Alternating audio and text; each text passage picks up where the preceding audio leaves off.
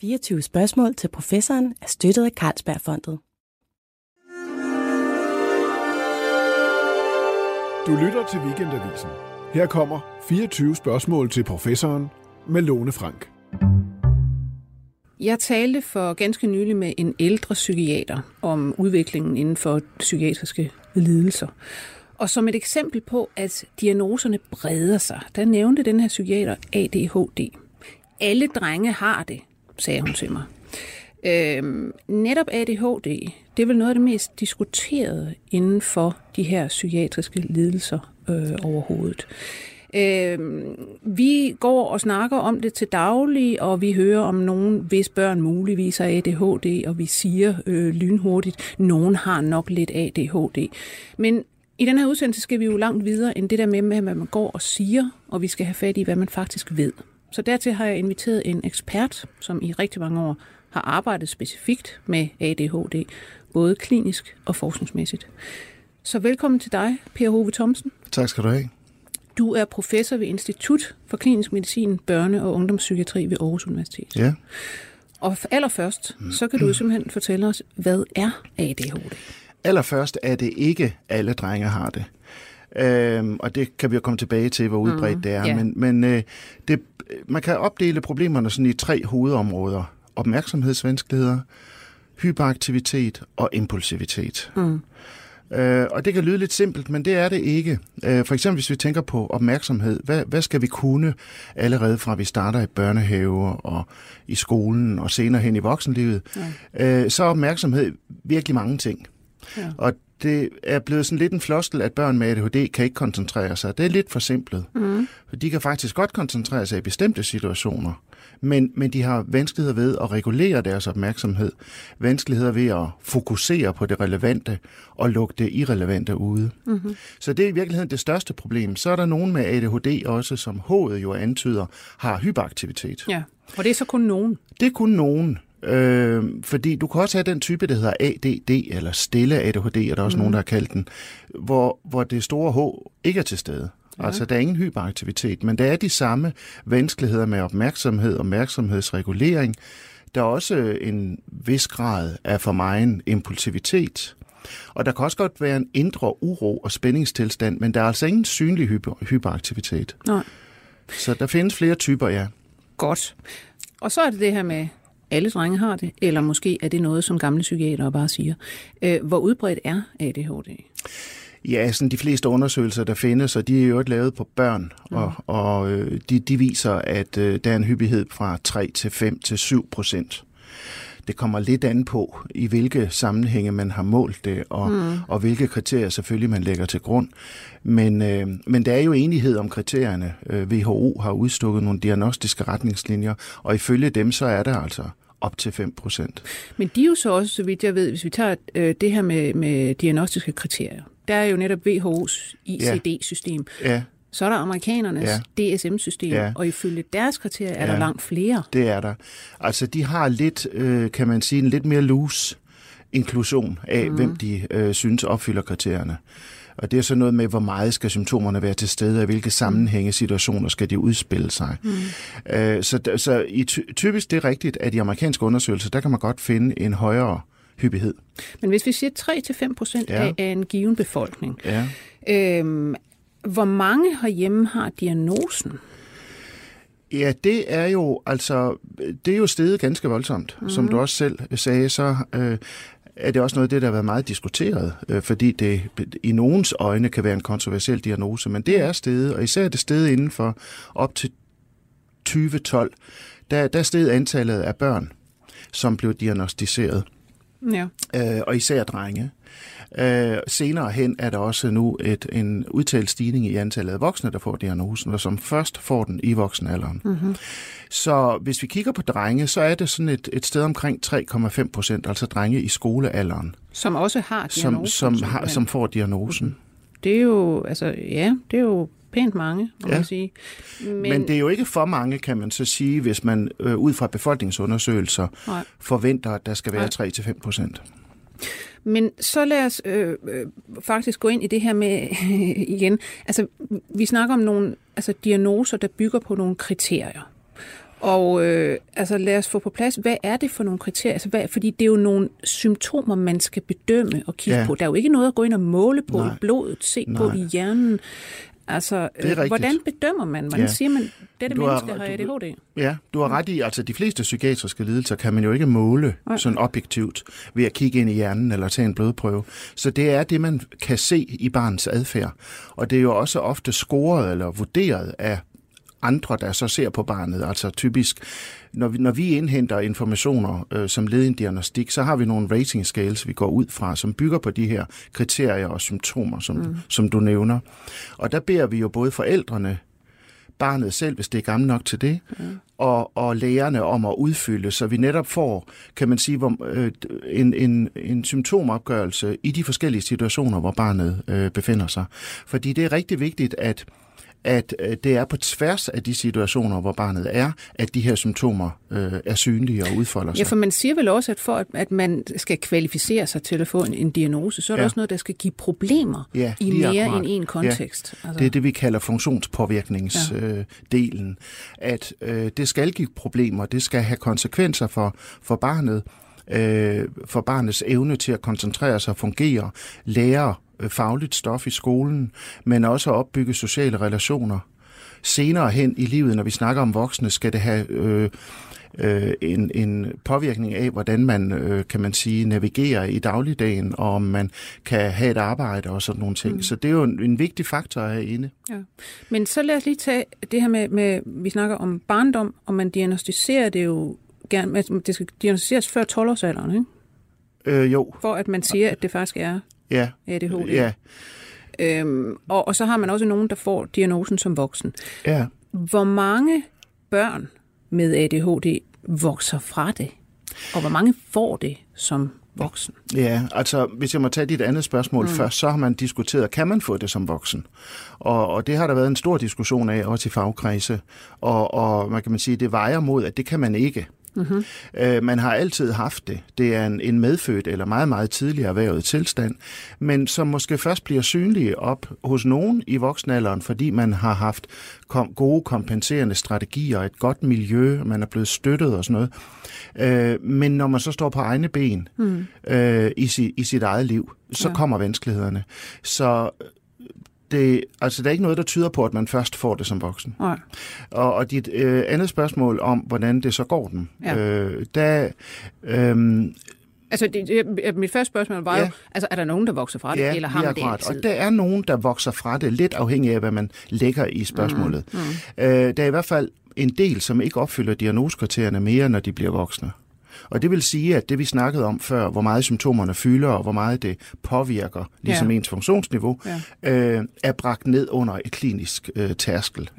Ja. Øh, og det er i, i lavet 40, knap 50 procent faktisk, mm-hmm. der som voksne, altså dem, der har fået stillet diagnosen som børn, som ikke længere opfylder kriterierne som voksne. Okay. Men så kan vi komme tilbage til i virkeligheden det der med at opfylde kriterierne. Hvis det også har noget at gøre med, at du ikke har vanskeligheder i din kontekst, så handler det måske også om, hvilken kontekst du kommer i. Men, men, øh, Ja, men lad det os- gør det. Ja, så Det gør os- det bestemt. Så lad os komme tilbage til det. Men først øh, kunne jeg også godt tænke mig at høre, øh, hvordan påvirker det så et menneskes liv? Ved vi noget om, hvordan det går mennesker med ADHD? Altså sådan på et overordnet niveau, ja, øh, sådan, hvis vi kigger på dem som gruppe betragtet, så ja. ved vi, at det er en udsat gruppe. Og vi ved fra danske og svenske registerundersøgelser, som vi jo kan udføre herhjemme, øh, at de har en dårlig prognose på en lang række områder. Øh, dels klarer de sig, for at starte med det, dårligere uddannelsesmæssigt. De får dårligere karakterer, mm. kan vi se. Øh, de øh, øh, dropper ud af uddannelse hurtigere end, end gennemsnittet, og de klarer sig også senere hen dårligere erhvervsmæssigt. Ja. Øh, de har også, kan man sige, det der sådan i registerne kan afspejle sociale problemer, at øh, hyppigere skilsmisser, øh, flytter flere gange, øh, Højere kriminalitet? højere kriminalitet, højere grad af andre psykiatriske lidelser, højere grad af somatiske, altså fysiske lidelser, øh, og højere ulykkesfrekvens. Mm. Altså de kører mere galt i trafikken, og de kommer ind med andre skader, fordi de er præget af den her impulsive, øh, mere risikobetonede adfærd. Ja. Men så synes jeg, vi skal gå til, hvad, ved vi om årsagerne? Nu sagde du jo før, at jamen, det er sådan set en, hvad skal man sige, en, en hjernelidelse, og, og, og det, det har man så øh, fra starten. Og hvad består den så i? Altså, hvad ved vi om det her? For det første kan man vel sige, at vi ved, at der er en hel del genetik i det. Ja. Altså, det er 80 procent genetisk ja. næsten. Ja. Øh, Ja. Så ja, Ja, det er i høj grad en, en, øh, en lidelse med en genetisk øh, baggrund. Ikke kun. Øh, og, og det er jo også, når vi ser genetik, så er det jo ofte sådan en, øh, et øh, komplekst samspil mellem genetiske faktorer og miljømæssige faktorer. Øh, måske selvom man har en medfødt genetisk disposition, så er det ikke sikkert, at man vil udvikle ADHD'en i samme grad, Nej. hvis man ligesom lever i et miljø, som er meget kompenserende og støttende for en. Hjernen er jo plastisk. Det er også det, vi, kan man sige, både har en forhåbning og en, og en viden om, når vi mm. øh, sætter ind med sådan psykologiske, psykosociale tiltag. Så, så genetikken skal sådan tages med det grænsalt i hvert fald. Men ved vi noget om enkeltgener? Fordi nu sagde du også før, den her store impulsivitet, og at man ligesom opsøger også, altså at man tager risici og sådan noget. Og man Ja. ja. har jo før set, at der for eksempel er en særlig dopaminreceptor. Ja. Øh, en genvariant, at Ja. den giver sådan en højere øh, netop altså risiko. Og det er den, der også øh, ses, kan man sige, afficeret ved, øh, eller involveret ved ADHD med, med de nye undersøgelser, man har lavet. Ja. Øh, det, der er flere et, end blot et gen, der er involveret. Det er mere komplekst end som så. Øh, og, men det ser ud til, som du siger, at have noget med dopaminreguleringen at gøre. Mm. Det ser også ud til at være korreleret til øh, adfærdsforstyrrelser og sådan risikobetonet adfærd det hele taget, altså som ligger på nogle andre gener. Men skal vi se, Øh. skal vi se på ADHD som en, øhm, hvad skal man sige, en, altså en hjernestrukturel øh, forstyrrelse? Kan man se noget som helst Ja. strukturelt anderledes i hjernen, eller er det biokemi, vi snakker om? Ja, det, det, det er altså nok begge dele. Mm. Øh, og biokemien er jo, som du selv var inde på, øh, det dopaminære system, som altså dopamin som et af de signalstoffer, vi har i hjernen, der transporterer information fra, fra en nervecelle til en anden, mm. ser ud til at være påvirket ved ADHD. Øh, og det er også det, vi bruger, når vi, og det skal vi måske komme tilbage til, snakker om medicinsk behandling af, af den her tilstand. Øh, og, og man kan se på de, sådan, de hjernestrukturelle eller hjernedynamiske ting, at øhm, noget af det, der hos alle mennesker øh, modnes senest, det er vores øh, pandelapper, frontallapper.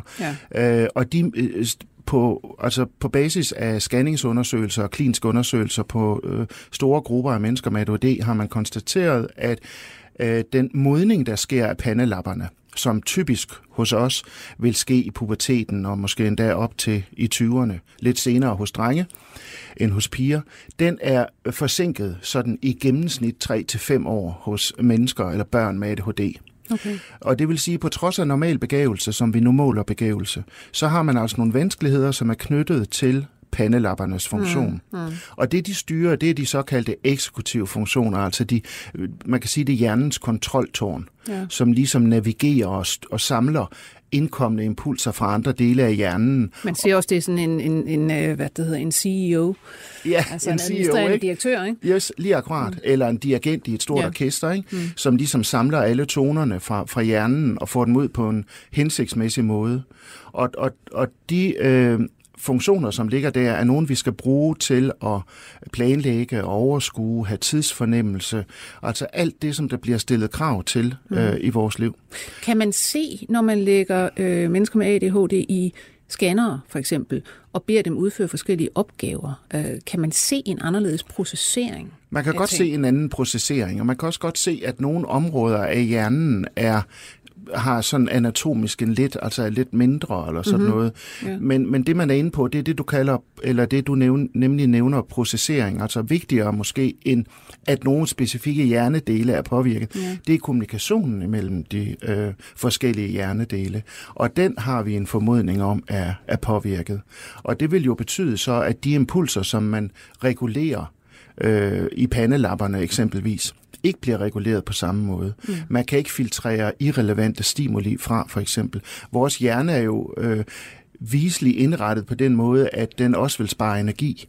Så alle de ting, der bliver automatiseret for os, og som vi udfører fører som en, altså børst tænder og Ja. hvad ved jeg, ikke? Altså alle mulige dagligdags ting. Det er ikke noget, vi behøver at bruge meget krudt eller energi på. Men mennesker med ADHD skal i højere grad simpelthen planlægge, hvad er det, jeg skal nu, fordi de har ikke den her automatisering. Og dermed bruger de jo meget mere energi på dagligdags aktiviteter, og, og mange af dem er, er totalt udsmattet om aftenen. af Men det er vel så også derfor, at, at, at vi andre vil opleve dem som, at jamen for fanden, det kan jo ikke, altså du ved, du har sagt, du vil gå ud og børste tænderne, du har Ja, sagt, du gøre, ja. du, gør du det ikke, så sker der Ja, noget andet. ja. Men, men skal man forestille sig, at de oplever verden som langt mere kaotisk, fordi der simpelthen ikke inden i dem skabes en, den der indkøbsseddel, som vi andre har, nu gør Ja. sådan, nu gør sådan, nu gør sådan, og det kører bare ligesom. Ja, lige akkurat. Det billede, du bruger, er rigtig godt. Altså, de har manglende filter. Det vil sige, der strømmer masser af- af informationer ind i hovedet på dem, som, ja. som øh, de ikke får filtreret fra, som for, for os andre ikke betyder noget, øh, men som forstyrrer dem. Øh, og det vil sige, at de bliver nemt afledt. Øh, Det kan man også mærke, hvis man sidder og snakker med en, der har ADHD, ja. øh, og som ikke har fået sin medicin den dag måske, øh, er øh, let distraherbar og også vanskelig at få til at fastholdes i samtalen, mm. og måske ikke kun på grund af noget, øh, kan man sige, forstyrrende udefra, men øh, også noget indenfra. Mm. Altså, de fortæller tit, at de får de her popcorn-tanker, som vi kalder det, at mm. der dukker irrelevante ting op, som, som forstyrrer dem, og, og der kan køre flere tankespor på én gang ind i hovedet på dem. Ja. Så i høj grad et problem med at, at regulere, ja. Øhm, nu kommer jeg til at tænke på det her, du snakkede med før, med de forskellige typer. Øh, Ja. Altså der er både den, den stille og den, altså den meget øh, impulsive også. Og øh, øh, hvad det, du snakkede også om i helt op i starten, et hyperfokus. Altså det her med, at det er ikke altid koncentrationen, det er galt Mm. med. De kan, nogle gange så kan de her mennesker også altså hyperfokusere. Ja. Hvad, hvad betyder det egentlig? Ja, det betyder, at øh, det er ikke kun, som du siger, et spørgsmål om at kunne koncentrere sig. Det er et spørgsmål om, i hvor høj grad, eller hvad for en dosis, man skal lægge i sin koncentration. Mm. Altså, hvordan man skal dosere sin opmærksomhed. Og øh, fleksibiliteten i den måde, man regulerer sin opmærksomhed på. Det er jo fint nok at kunne koncentrere sig om noget, og, og også noget kedeligt stof og sådan noget, men vi er også indrettet sådan, at vi skal kunne øh, reagere på ting, der sker, der er relevant ude om os. Så vi skal mm. kunne have en fleksibilitet, som gør, at vi kan skifte fokus fra en ting til noget andet. Ja. Og, og når du siger hyperfokus, så er der faktisk nogle børn med ADHD, der ligesom, når først de kommer i gang med en, en sjov opgave, for de skal også være motiveret for den. Ja.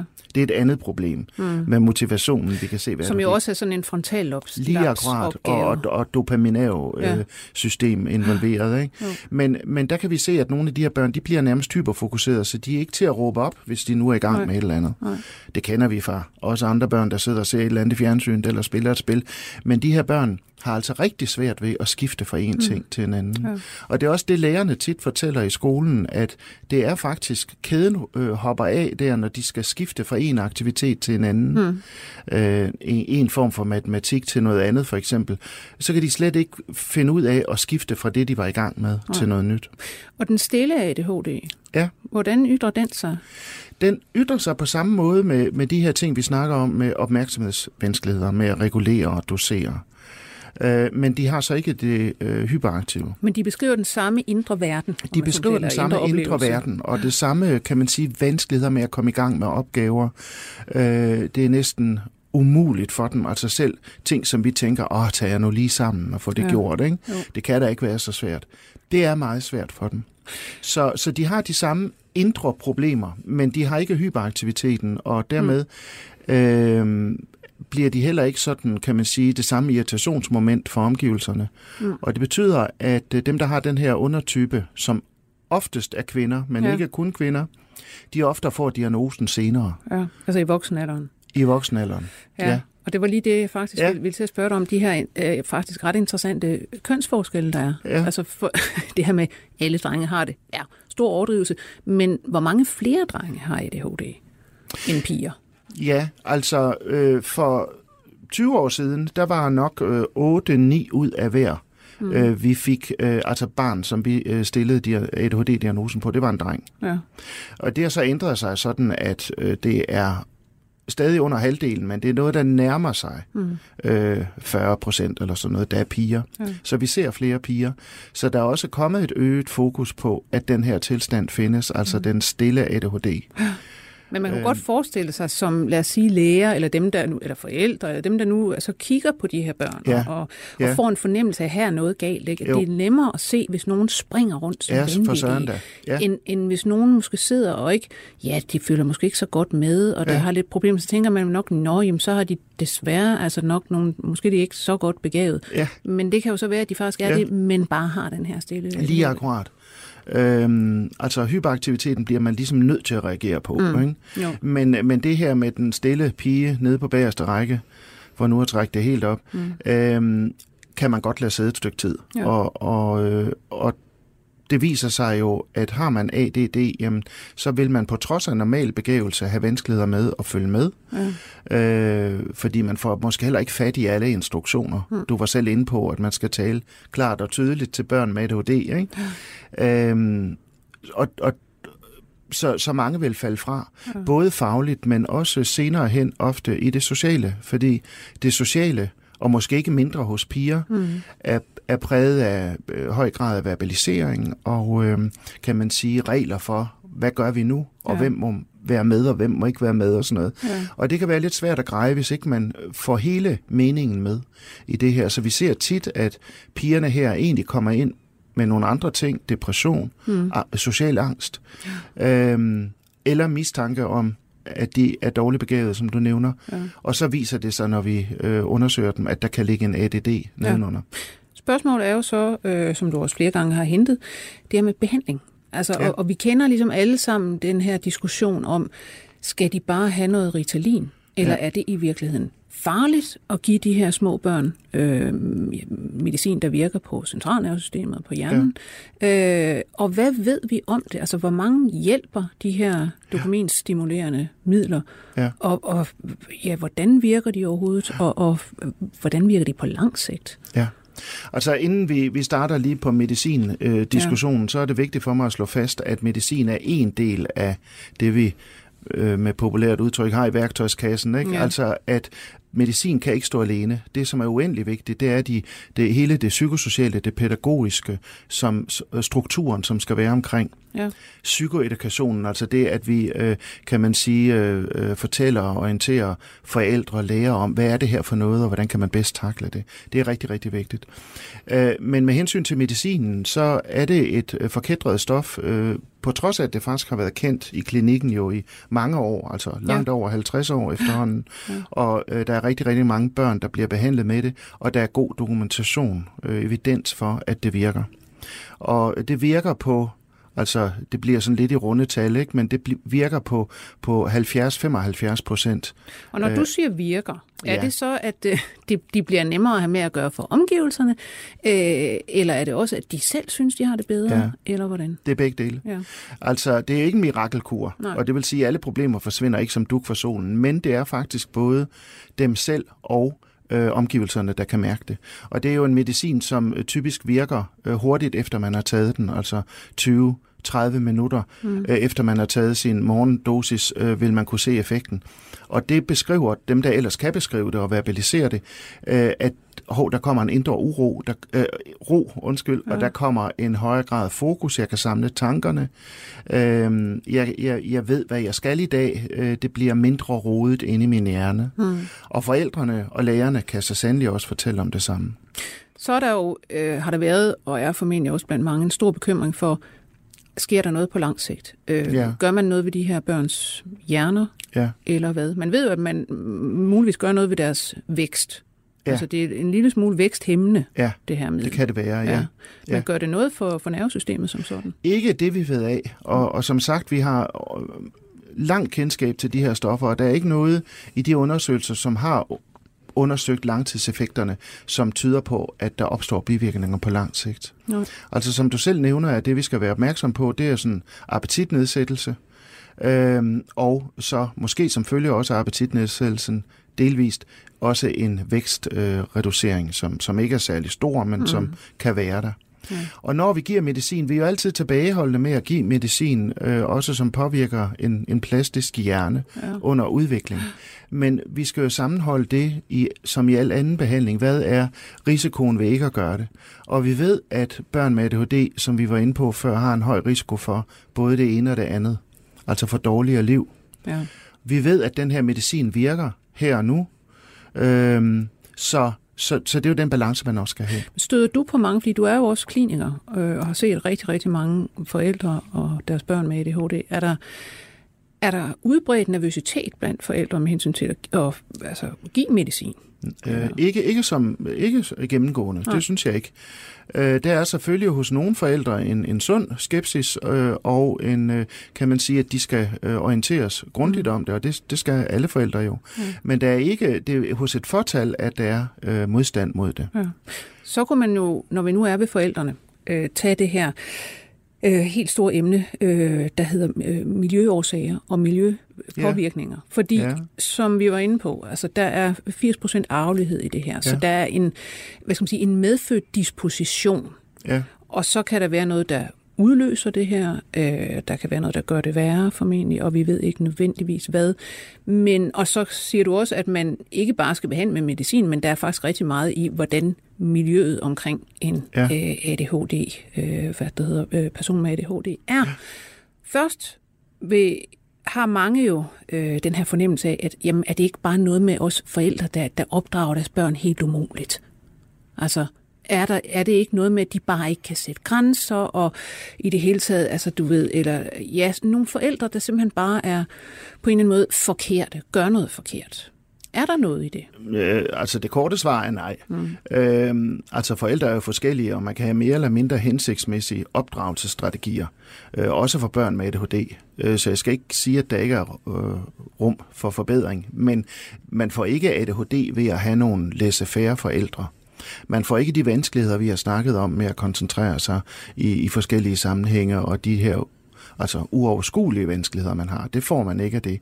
Man kan godt øh, få nogle, en adfærd, som, som kan stikke i øjnene på andre, men, men man får ikke ADHD af det. Men forveksler vi heller ikke nogle gange øh, børn af, du ved, der har haft en mystisk opdragelse, og nogle forældre, der måske driver dem op og ned ad væggene på en eller anden måde med uhensigtsmæssig forældregærning, hvad den så består i, kan de ikke komme til nogle, nogle gange at blive forvekslet med, de har nok ADHD? Jo, det, det tror jeg godt, de kan.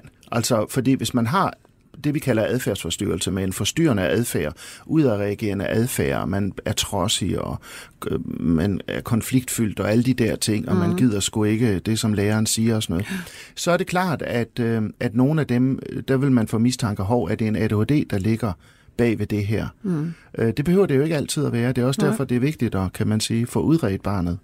Finde ud af, hvilke situationer har det den her adfærd, øh, og, og, og ja, hvordan, hvordan ser det hele ud omkring barnet. Men, men jeg vil sige så i forlængelse af det med, med forældres rolle, mm at øhm, det er jo noget, vi øh, lægger stor vægt på i behandlingen også, og vi, vi har selv øh, lavet studier af, kan man sige, tidlige interventioner, altså før skolebørn med ADHD. Ja. De fleste børn, vi ser, øh, er jo i skolealderen, mm. når de kommer til os første gang. Men der er også nogen, der har så store symptomer, så de faktisk kommer i 3-4 alderen. Ja. Dem, vil vi, øh, dem er vi tilbageholdende med at behandle som medicin, i hvert fald med medicin, i hvert fald som det første. Og øh, vi har så... Øh, afprøvet forældretræningsprogrammer, altså hvor man ligesom ruster forældrene til øh, et kvalificeret samvær med deres barn igennem hvad, leg og aktiviteter. Hvad i verden skal de gøre? Jamen, de skal øh, i det, det er sådan en, en manualiseret, kan man sige, intervention, hvor de skal øve sig i at, at støtte deres barn bedst muligt. Skabe den struktur, som barnet har brug for. Øve barnet i øh, impulskontrol. Det kan være rigtig svært, men vi ved, at børn med ADHD har rigtig, rigtig svært ved at vente på, at det bliver deres tur. Mm. Øh, også, de er også svært ved, vi, vi ved fra undersøgelser, at hvis man får stillet i udsigt, ej, nu må du, øh, hvis du venter en time, så må du få en is, der er kæmpe, kæmpe stor. Ikke? Jo. Det, er en, det er din ene mulighed. Den anden mulighed, det er, at du får en lille is lige nu. De fleste børn vil måske tænke, at jeg venter en time, så får jeg en kæmpe is. Mm. Men barnet med ADHD har øh, meget, meget svært ved at udsætte. Så det er noget af det, man også vil træne øh, og lære forældrene i at træne. Så udover at man, kan man sige, specifikt går ind og træner nogle af de her kompetencer hos barnet, er det også noget, der gerne skulle give og det viser vores undersøgelser også, mm. et mindre stressfyldt samvær mellem ja. forældrene og øh, ja. barnet. Men når det nu er 80 procent arveligt, det her, så er der vel også rigtig mange af de her forældre til ADHD-børn, der har en snært af det selv. Ja, bestemt. Og så er det, at og det kan, det, det kan være en, en, en udfordring i behandlingen. Øh, fordi det er sværere, og det viser mange undersøgelser også, at de her forældreprogrammer, hvor man styrker forældrene, mm. øh, har dårligere effekt, hvis forældrene selv har ADHD. Mm. Eller moren har ADHD. Det er typisk mest mødre, der indgår i amerikanske undersøgelser, men, mm. men i Danmark har det været begge forældre. Så, så det er, og, og nogle gange kan den bedste hjælp til et barn med ADHD være at hjælpe, hvis nu man er, for eksempel får diagnostiseret øh, en af de voksne forældre, som også har det, mm. og får sat vedkommende i behandling. Fordi det kan skabe mere ro og struktur, øh, forudsigelighed, evne til planlægning. Alt det, der er så øh, nødvendigt for et barn med ADHD derhjemme. Jeg synes, øh, hvad skal man sige, når vi er ved det her med, at det jo er en, altså en, en lidelse eller en tilstand, eller hvad vi nu skal kalde det, som er på et eller andet spektrum også. Ja. Altså det er ikke sådan en on-off, altså enten ja. har du det, eller også har du det ikke. Altså du kan have det i forskellige grader, og du kan som sagt, altså hvad skal man sige, have nogle træk af det, hvor man siger, der får du så ikke ja. diagnosen, men, men ja. det er helt klart, at du måske har lidt hyperaktivitet, eller du i hvert fald ikke øh, koncentrerer dig så godt, eller impulsivitet, hvad det nu kan være. Ikke? Ja. Øh, og så er man jo over i, hvis man kigger på teorierne for, hvad skal man sige, hvad det kommer af på den måde. Hvorfor ja. har vi i populationen, vi bliver ved med at ja. have, øh, hvad det hedder, sådan cirka 3-5 procent ja. med ADHD. Det er hvorfor ikke noget, overlever Ja, hvorfor det, har det overlevet? Ja. Hvorfor? Ja. Øhm, og der er jo simpelthen nogle evolutionære teorier om, at, ja. at det her øh, har ikke altid været upraktisk at have. Nej. Øh, hvis jeg lige må knytte an til det, du siger med, med, med det med spektret, ja. altså at symptomerne ligger på et spektrum, det, det er også noget af det, vi selv har kigget på, hvor vi har undersøgt omkring 3.000 øh, skolebørn og bedt dem, eller deres forældre og lærere, score graden af ADHD-symptomer. Og der ligger jo alt fra 0 til øh, helt vildt mange. Ja. Og det vi har kigget efter, det er så om der er sådan en lille, der er en tærskel, mm. eller kvalitativt hop, som siger, hov, nu har vi nok symptomer til, at diagnosen er der. Ja. Øh, og det har vi gjort ved også at, at, at knytte det til det, vi snakkede om før, graden af øh, funktionspåvirkning. Hvornår går det fra at være noget, som vi alle har, til at det bliver virkelig påvirket? Øh, ja. påvirkende for øh, funktionen. Ja. Og, og det er også en glidende overgang. Ja. Vi kan ikke finde en tærskelværdi. Det, det er aldrig lavet før. Øh, men så det, det understreger jo det, du er inde på med, at det er en dimension, som ligger i befolkningen. Ja. Og så, og, men, men når du nu siger det her, så kommer jeg også til at tænke på, det som mange af os øh, gamle som har været øh, oplevet altså en, en barndom, hvor der ikke var ADHD. Man havde ikke, det havde man ikke blik for, det havde man ikke øh, ligesom eventuelt opfundet på det tidspunkt. Øh, der var måske en enkelt øh, urolig dreng, hister her, eller øh, en pige, der sad stille, hvordan det nu var. Men øh, jeg tænker også, at det, når det netop er sådan et glidende overgang, det er et spektrum, altså, og øh, du er i nogle miljøer, hvis du har et skolemiljø i dag, hvor det er meget, meget hvad sige, nemmere at komme til at stikke ud, fordi at du er lidt urolig, ja. eller du er et eller andet. Ja. Altså, det er simpelthen nemmere at se det i dag, og der ja. er mindre plads til, at du kan ja. gøre noget. Så det gør måske også, at man ser ja. det her mere. Det, det og det er et problem nu. Det, det har du ret i. Altså, fordi vi ser flere, som vi var inde på øh, til start, til, i starten. Øh, og det øh, er dels, fordi vi er blevet bedre til at se tilstanden, og vi har bedre behandling. Øh, men det er også øh, formentlig fordi, at der er sket nogle samfundsmæssige, altså strukturelle mm. ændringer ja. i skolen, som stiller større krav til kan man sige, ansvar for egen læring og selvkontrol, øh, selvdisciplinering.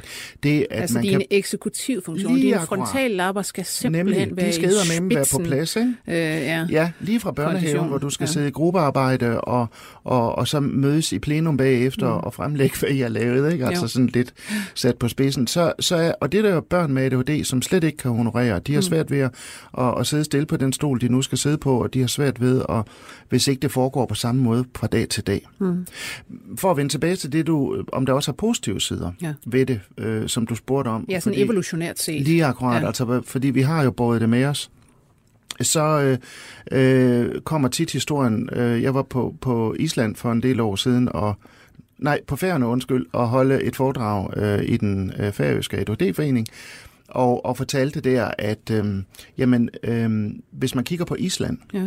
så vil man se, at øh, hyppigheden af ADHD, når man undersøger den, er betydeligt højere, end den er mange andre steder. Mm. Og også antallet af børn og voksne i behandling er meget højere. Hvordan mm. kan det være? Øh, og, og teorien går så på, at det har været de, kan man sige, de dristige, mm. de måske ind- indimellem dumdristige, men i hvert fald dem med vågemod og initiativ og Ja. ikke så frygtsomme og risikobetonet adfærd og sådan noget. Måske endda impulsiv. Nu tager vi kraften Nu med tager, vi, vikingeskib og nu tager, tager vi sgu til Island, Ja. og så alle dem, der så ikke uh, kunne holde til mosten ikke? Mm. og blev søsyge, de stod af på færøerne, og det griner Ja. ja. de nemlig af på færøerne, ikke? fordi mm. det, der har de samme frekvent eller hyppighed, som vi har i Danmark. Ja. Men, men så noget godt er der jo i, i, i, i de der ting med, med ADHD, altså ved at være udadvendt. Øh, og det kan vi også se, der er lavet spændende undersøgelser i Silicon Valley for eksempel, hvor mm. man kan se, at, at øh, blandt iværksættere, Ja. der er der en højere hyppighed af ADHD Ja. enten ADHD-træk eller decideret diagnosen, Ja. øh, fordi at øh, de er i gang sætter idérige osv. osv. Øh, og tør at våge pelsen. Mm. Men øh, det, der også er typisk for dem, det er, at de måske ikke har deres business så mange år, fordi når ting bliver mere kedelige, rutinepræget.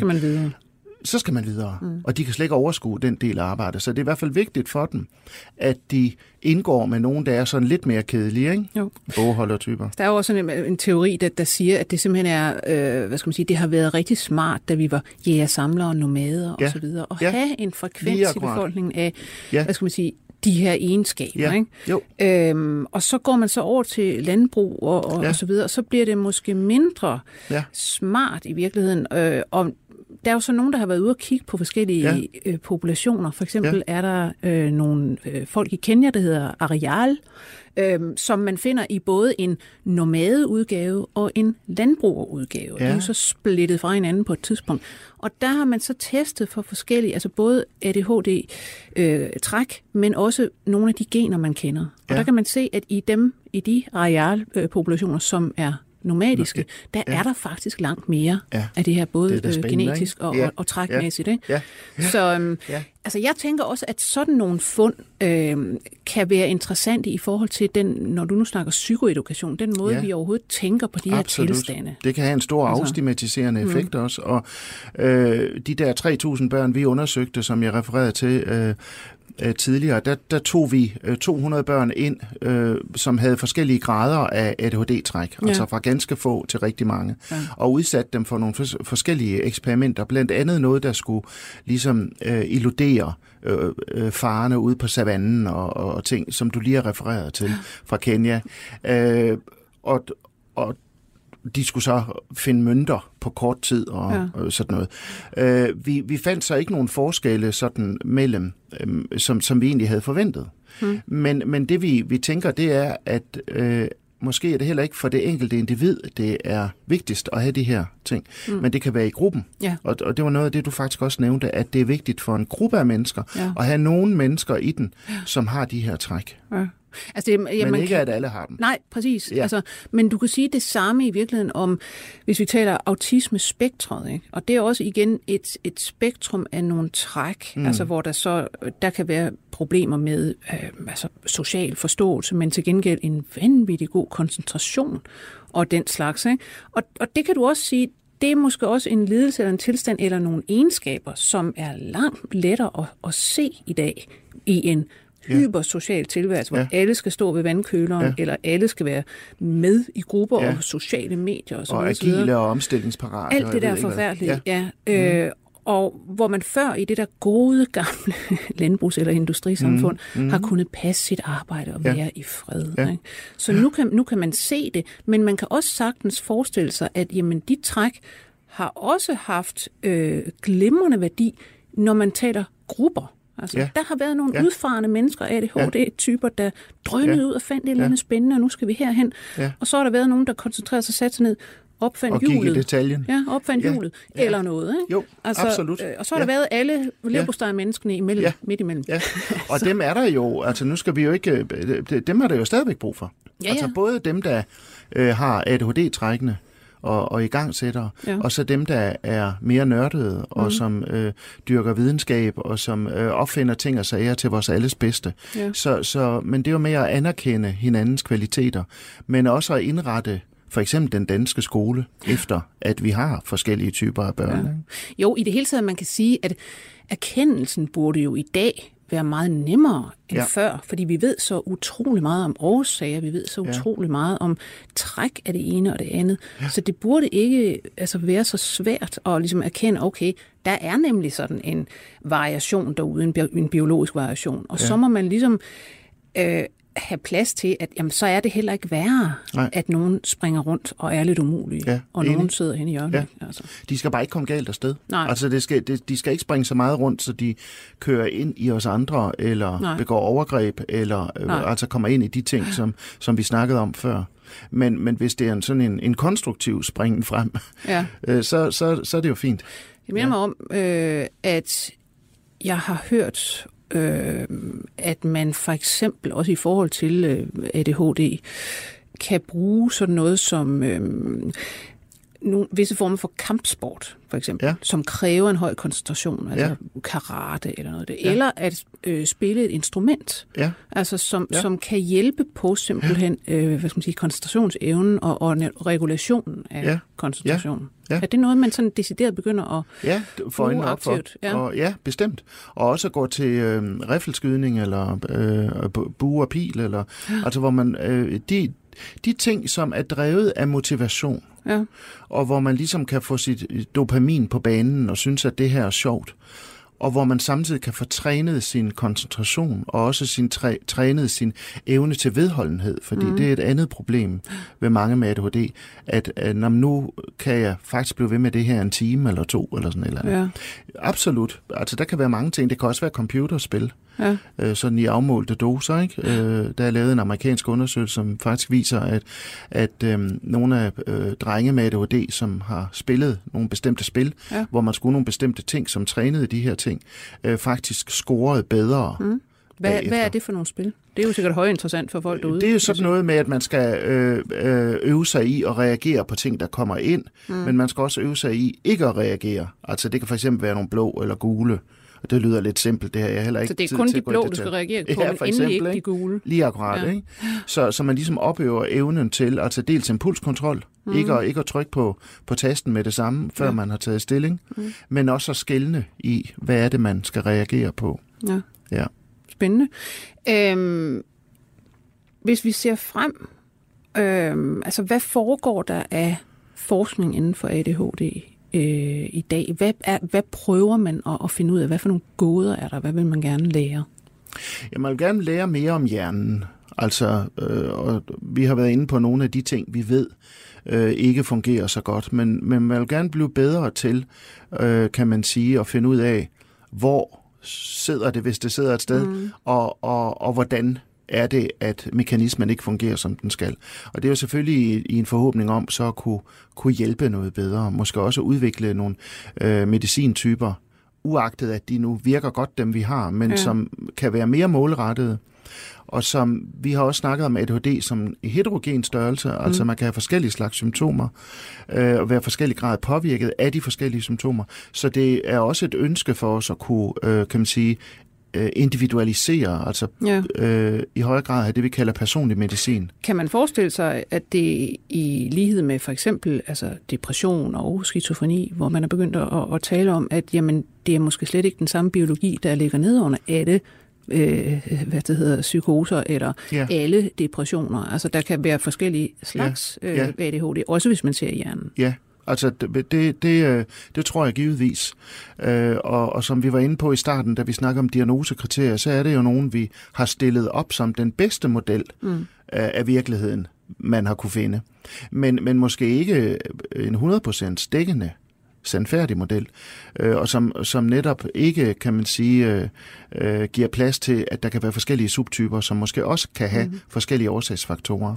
Tror du, man kan komme frem til nogle biomarkører? Altså kan der være et eller andet aktivitetsmønster, man kan se på i hjernen og sige, dette er nok ADHD. Det er ikke bare et uroligt barn med dårlige forældre.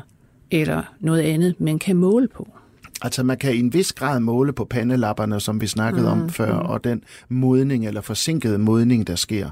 I hvert fald som en indikator på, at man har påvirket af de eksekutive funktioner. Ja. Det kan man så også have ved andre tilstande. Ja. Så, så det er jo ikke specifikt for, for ADHD. Øh, og det kunne jo være Altså, det kunne jo være rart mm. at, at have en biomarkør, enten i form af en eller anden test, man kunne tage, som kunne afsløre ens genetik, eller andre biomarkører i blodet, eller øh, noget, man kunne se i hjernen, som helt specifikt kunne fortælle os, jamen det er sådan og sådan, vi skal opfatte det, forstå det, og det er sådan og sådan, vi skal behandle. Men der er vi langt fra. Mm. Jamen, øh, lad os håbe, at I kommer nærmere. Øh, tusind tak, fordi du havde tid til at komme herind, Per Hove Thomsen. Det var en fornøjelse. Tak professor ved Institut for Klinisk Medicin, Børne- og Ungdomspsykiatri ved Aarhus Universitet. Jeg skal sige, at vi var produceret af Cecilie Blomqvist. Jeg hedder Lone Frank. På genhør. 24 spørgsmål til professoren er støttet af Carlsbergfondet.